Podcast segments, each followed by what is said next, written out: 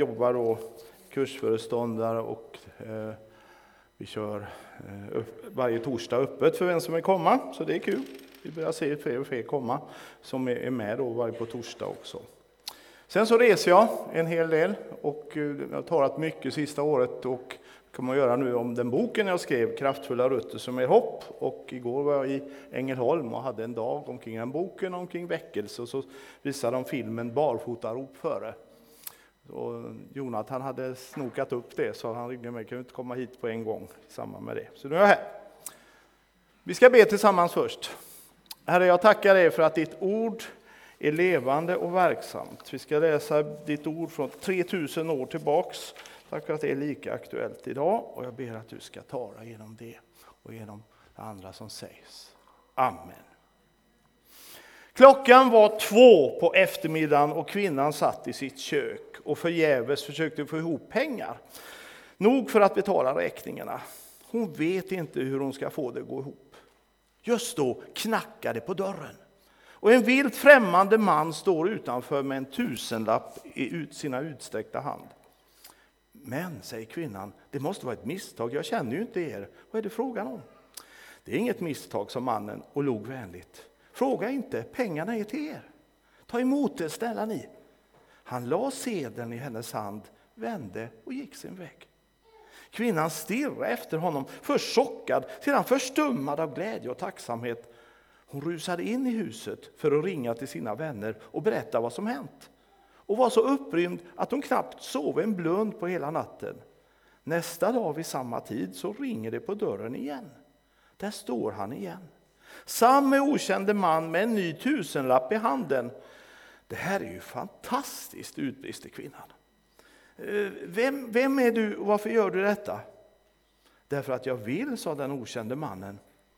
Lämnade sedeln och gick. Nästa förmiddag gick kvinnan ut och köpte det största tackkort hon kunde hitta. Hon bakade fem sorters kakor och lade den i sin vackraste kakburk och väntade.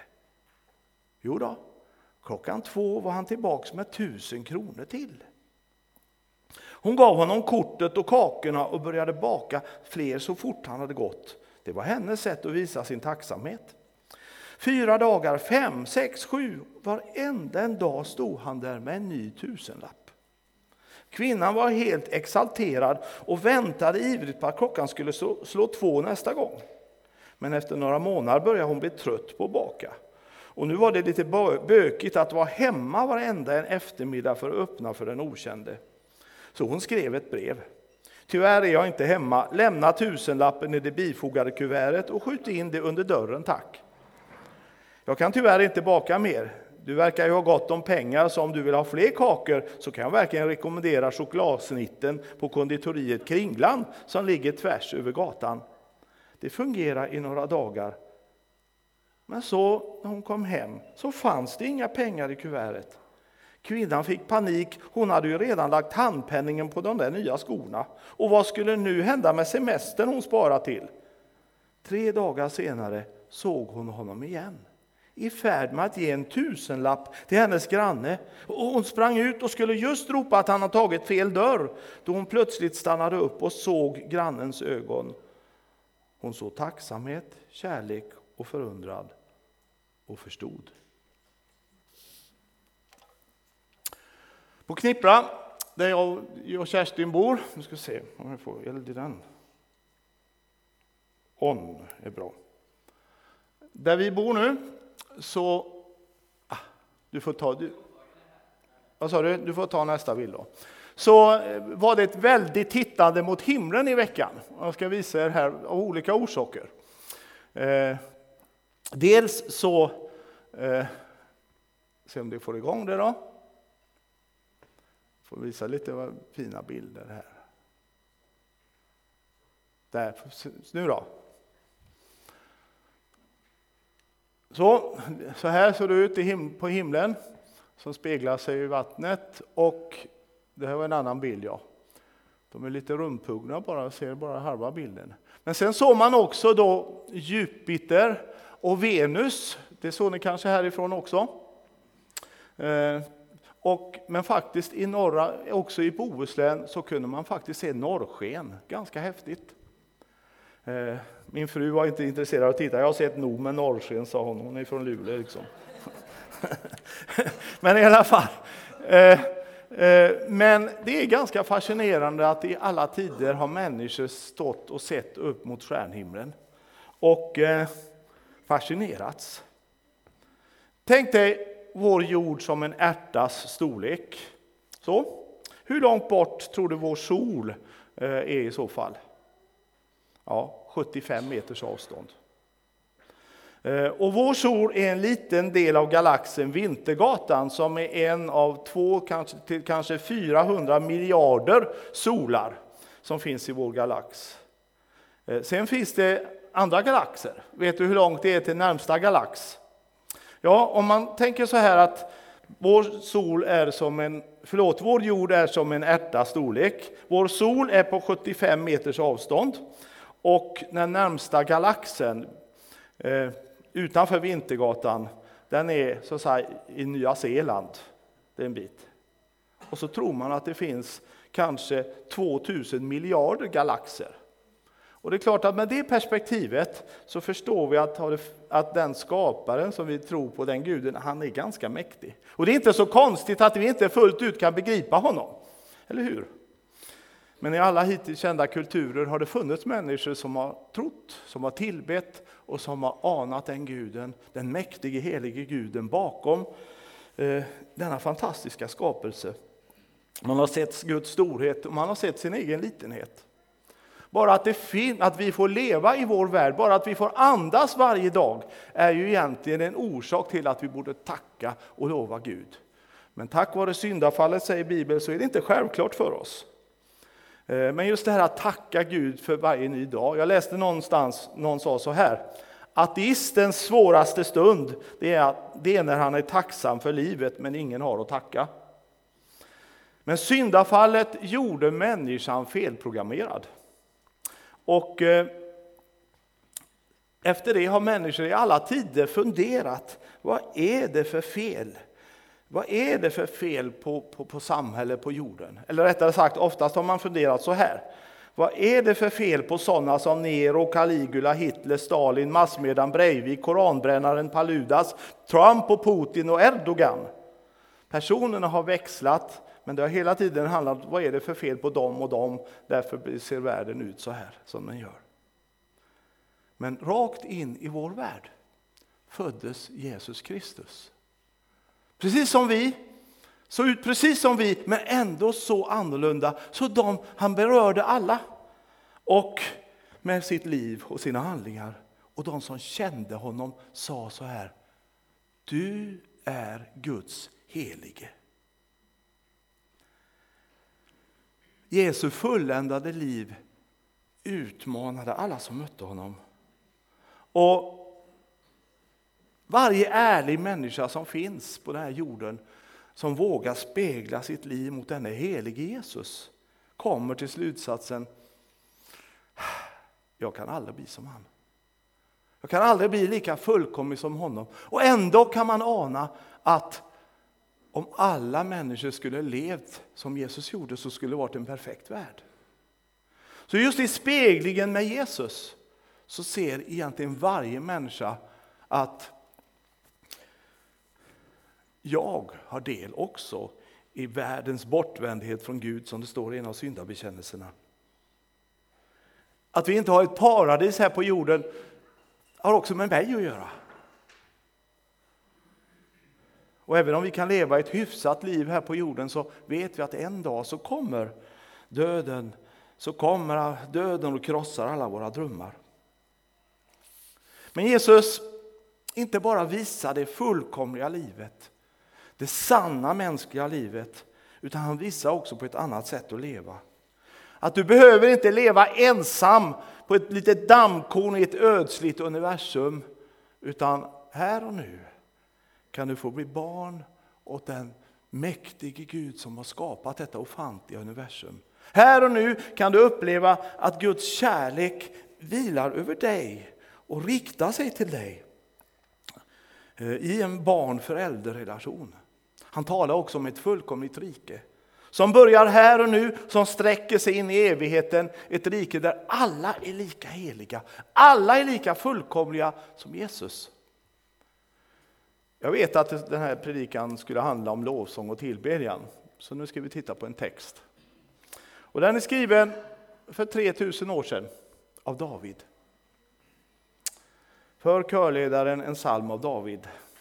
Jag väntade och väntade på Herren, och han böjde sig till mig och hörde mitt rop. Han drog mig upp ur fördärvets grop, ur den djupa dyn, och han ställde mina fötter på klippan och gjorde mina steg fasta. Han lade i min mun en lovsång. Han lade en ny sång i min mun, en lovsång till vår Gud. Många ska se det och frukta och förtrösta på Herren. För lovsång handlar ytterst inte vare sig om musik eller rytm eller instrument eller sångröst eller flaggviftning eller lyfta händer, även om det är jättebra. För lovsångens källa handlar faktiskt om sanning i första hand. Sanning som på grekiska också betyder verklighet. När jag vågar vara helt sann, ärlig mot mig själv så anar jag att hur jag än gör mitt yttersta, uppbådar allt jag överhuvudtaget kan prestera, allt av disciplin, hängivenhet och andlighet, så kan jag aldrig bli så som Jesus. Så om jag ser mig, mitt liv i ljuset från en helig Gud, så utifrån kosmos och evighetsperspektiv, så upplever jag precis vad David upplevde i texten.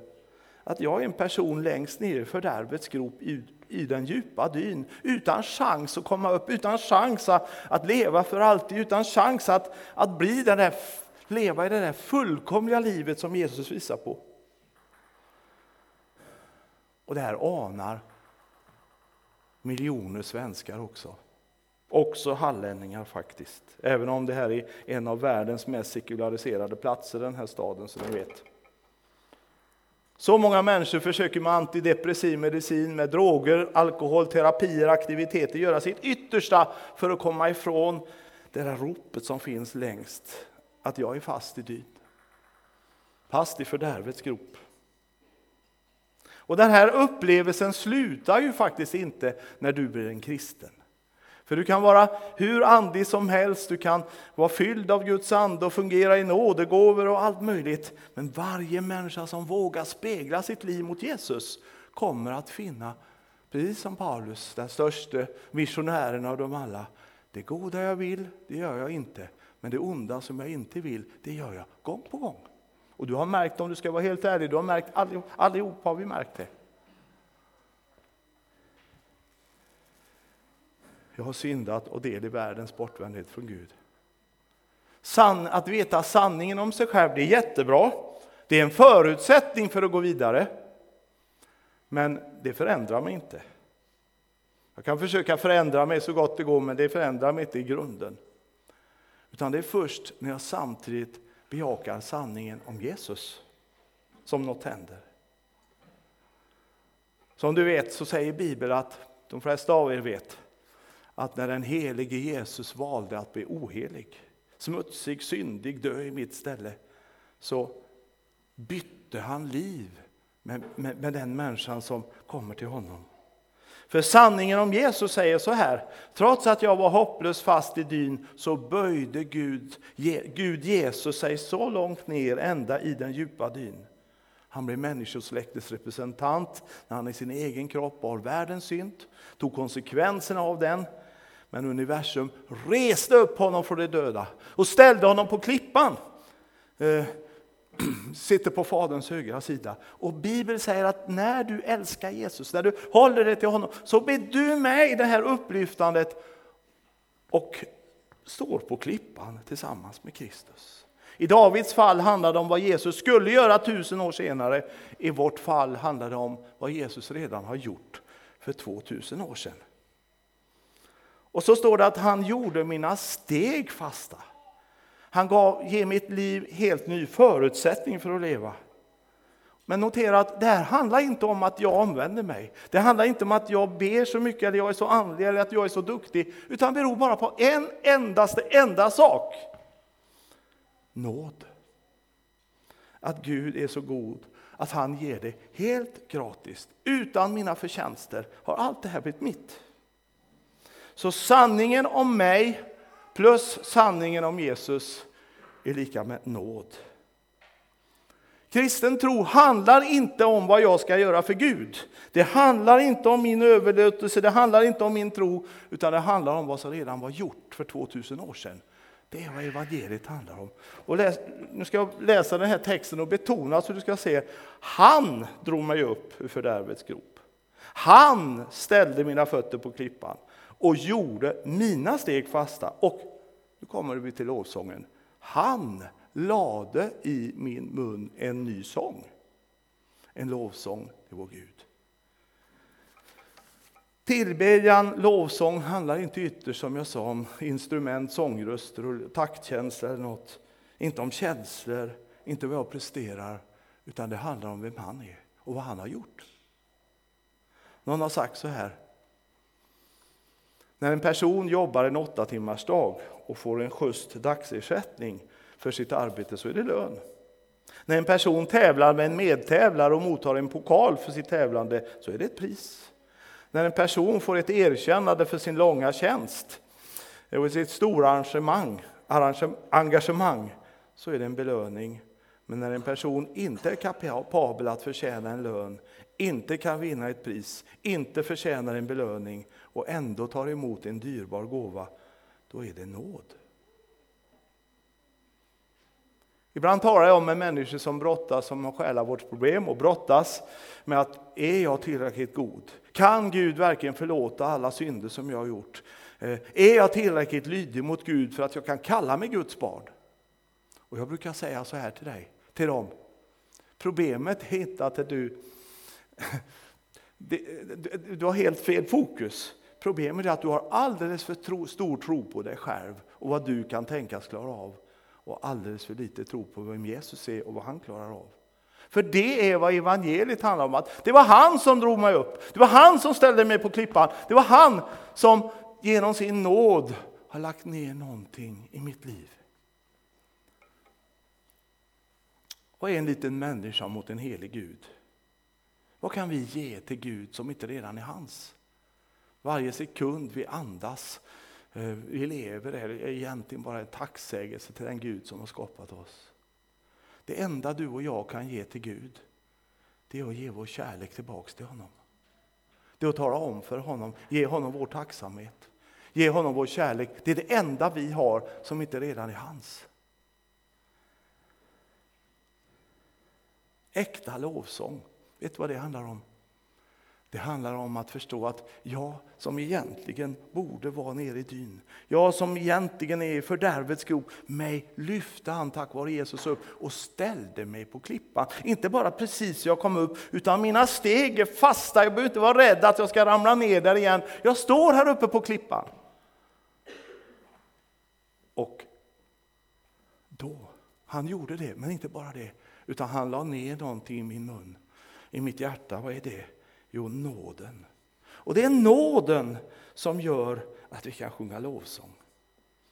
Eh, om jag inte lever i nåden då blir, och inte fattar nåden, då blir det bara ett malande av sånger, en prestation, en upplevelse att jag är jag tillräckligt bra för att sjunga, kan jag säga detta och detta? Rosenius, CFS lärofader, han sa så här, han säger så här i en av sina böcker. Där människor trälar under lagens ok där hör man inga lovsånger. Men där evangeliet börjar få makt, där väller sången fram av sig själv.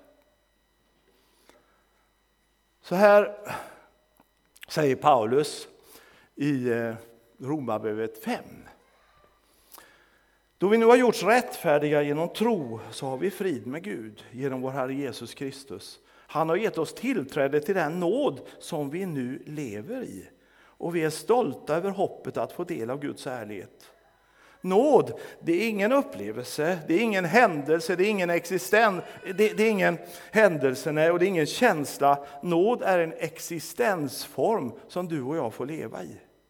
En fisk kan vara uppe på land ett tag, men det är inte dens rätta eh, element att leva i. Den överlever inte i längden på land. Du och jag, vi föds in i syndens livselement eller syndens ja, omgivning. Och där kommer vi att dö, säger Bibeln. Men i och med Jesu död, försoning och uppståndelse så för Gud, precis som man sätter in en fisk ner i vattnet igen, så för Gud oss in i ett annat sätt att leva. En ny existensform som du och jag, som den vanliga gamla människan inte har levt innan. Och den, förkast, den existensformen handlar om att det, där lever jag inte längre i förkastelse, inte i skuld och skam och ofrid och orättfärdighet och hopplöshet. Utan där är det ett liv i barnaskap. Det är en helig Gud. I frid, i rättfärdighet. Och allt beror på en enda sak. Vad då? Guds nåd. Bara det.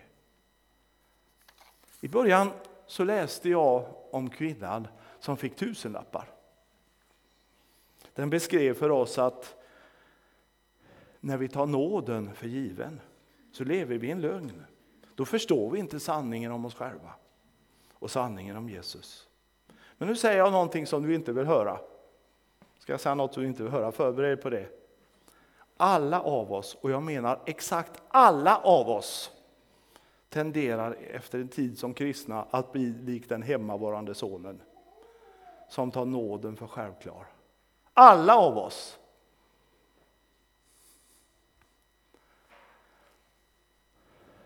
Pastor Jon Cho som dog tror jag var förra året. Han har byggt upp en församling från noll till 800 000 aktiva medlemmar i, i Seoul i Sydkorea. Han skriver så här i boken Bön nyckel till väckelse. Om vi vandrar i en högmodig ande står Gud emot oss när vi närmar oss honom i bön. Om vi är förkrossade och botfärdiga inför honom ger han oss mer nåd. Framgång baseras på Guds nåd. Vi kan inte göra någonting framgångsrikt av egen förtjänst, men genom hans stora gudomliga nåd kan vi göra allt. Vad vi behöver för att bli framgångsrika är mer nåd. Hur får vi mer nåd? Ja, vi får det genom att vara förkrossade öd, i ödmjukhet inför Gud. Läxan om förkrosselse är inte populär idag. Folk vill bara veta hur man ska bli framgångsrik. Nåväl, jag har lärt mig att framgång inte kommer genom att lära sig lätta formler och principer. Vi måste lära oss förkrosselsens hemlighet, vilket ger oss mer nåd. Det är nåd som garanterar mest framgång för oss. Jag skulle vilja säga så här, de väckelsepräster som skakade om Sverige och Karl Olof Rosenius som var EFS lärofader skulle kunna skriva under på det här. Det är samma budskap. När människor är nykristna då har man en kärleksrelation till Jesus. Och, och det är Herren det handlar om, och man sjunger lovsång och man vill vittna för hela världen. Och så går det ett par år och så tycker vi att nu börjar vi kunna det här och vi, vi blir tacksamma för att få de där tusenlappar hela tiden. Och så svalnar glöden. Och det är inte bara enskilda människor jag pratar om, utan Eh, du vet, i Uppenbarelseboken så säger Herrens ängel till församlingen i Efesos, du har övergett din första kärlek. Och det här är, finns det ju statistik, men det, det finns statistiskt, är statistiskt sett så här, att den församling som vinner flest människor för Herren, som är mest brinnande i praktiken då, det är en församling som är under tio år gammal och som har färre än hundra medlemmar. Det går att bevisa liksom på det sättet.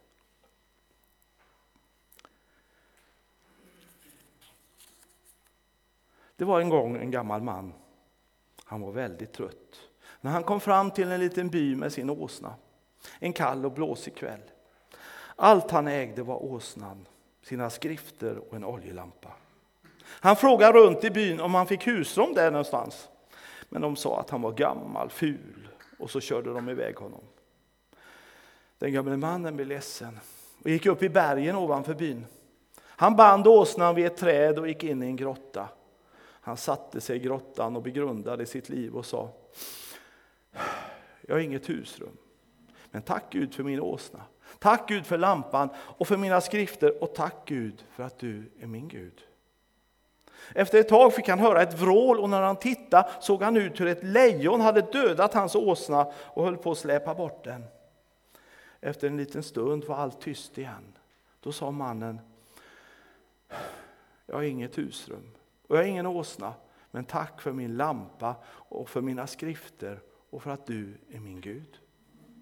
Och när den, lille, när den gamle mannen satt där i sin grotta och läste sina skrifter vid oljelampans sken så kom det en vindpust och blåste ut lågan i hans oljelampa. Och mannen sa, jag har inget husrum och jag har ingen åsna och inget ljus så att jag kan läsa min bibel. Men tack Gud för min goda nattsömn och tack Gud för att du är min Gud. Mannen la sig till rätta för att sova. Då hörde han ett förskräckligt oväsen nere ifrån byn och tänkte att de har väl fest där. Det var ett förfärligt liv som höll på halva natten. Men den gamle mannen bad och sa Gud, jag har inget husrum och jag har ingen åsna och jag har inget ljus och ingen nattsömn. Men tack Gud för att du är min Gud.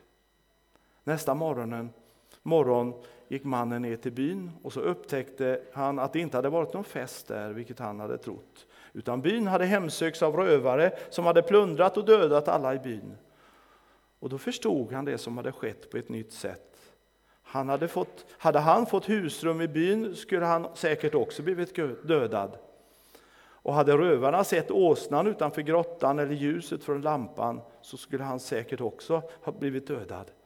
Efter denna natt så sa han bara ännu mer hängivet Tack Gud för att du är min Gud. Gud gläder sig när vi lovprisar och lovsjunger honom. Och den lovsången han gillar allra bäst, det är den trotsiga lovsången. Som sjungs av hans barn när de är i mörkret, tystnaden, ensamheten. Den trotsiga hoppets, det trotsiga hoppets lovsång. Den lovsång som väller fram utifrån vissheten att på grund av Guds nåd är jag Guds barn. Och jag har en god far som vill mig väl omsluten av hans omsorg, trots att jag inte själv begriper vad som händer, trots att omständigheterna inte ger orsak till att lova Gud. Men den som har lärt känna den nådefulla guden, han vet att Gud är värd all min lovsång. Och djävulen hatar den typen av lovsång. Luther han sa, om jag ber så går djävulen iväg, men om jag sjunger lovsång då springer han iväg. För många år sedan hade jag med ett lovsångsteam från Kalmar upp till Dalarna.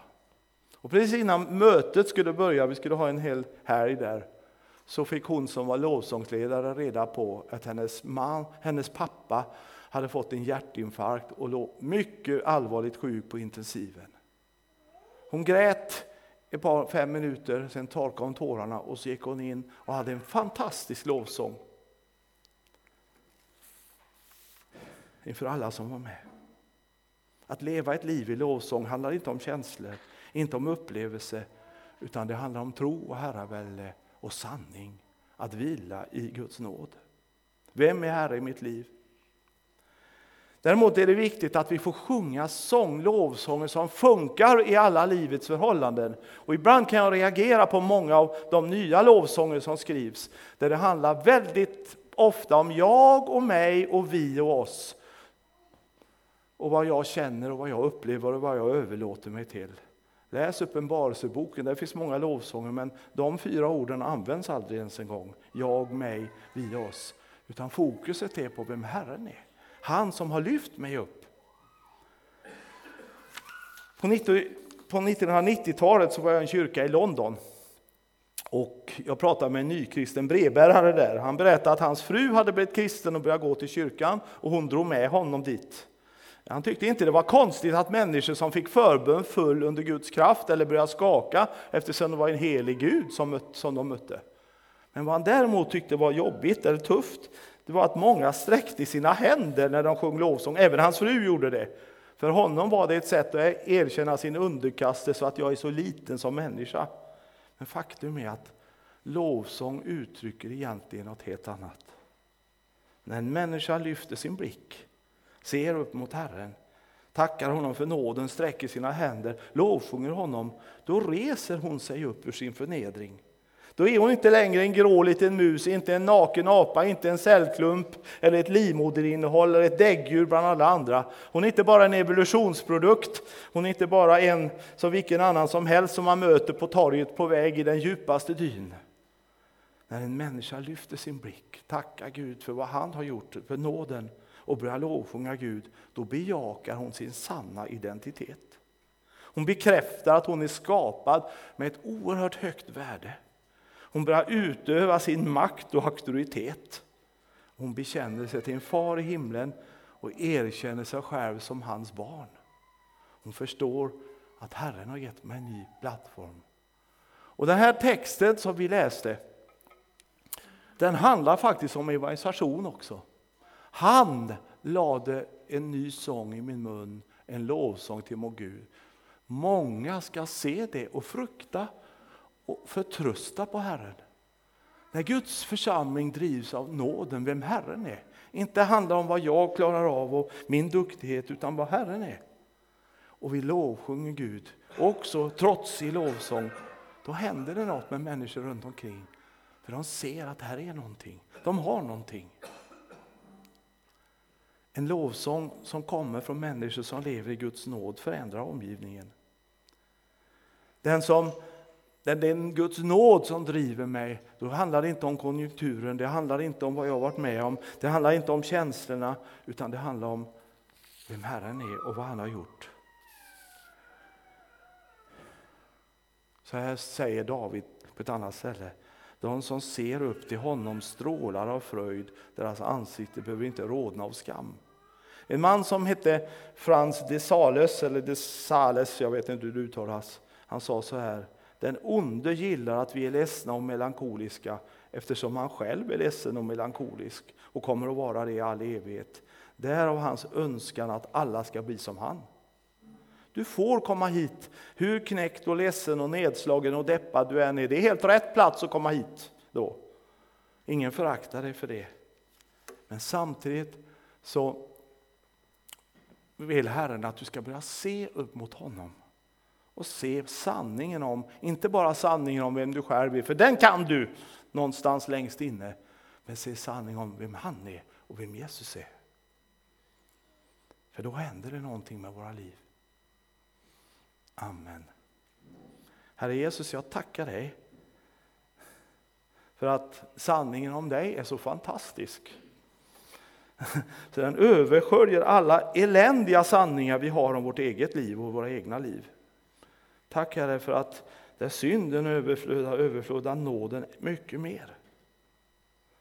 Jag ber om förlåtelse för att vi så ofta har så mycket tro på vår egen tro och andlighet eh, och vad vi kan och så lite tro på vem du är och vad du kan. Kom och verka oss. Amen. Jag vill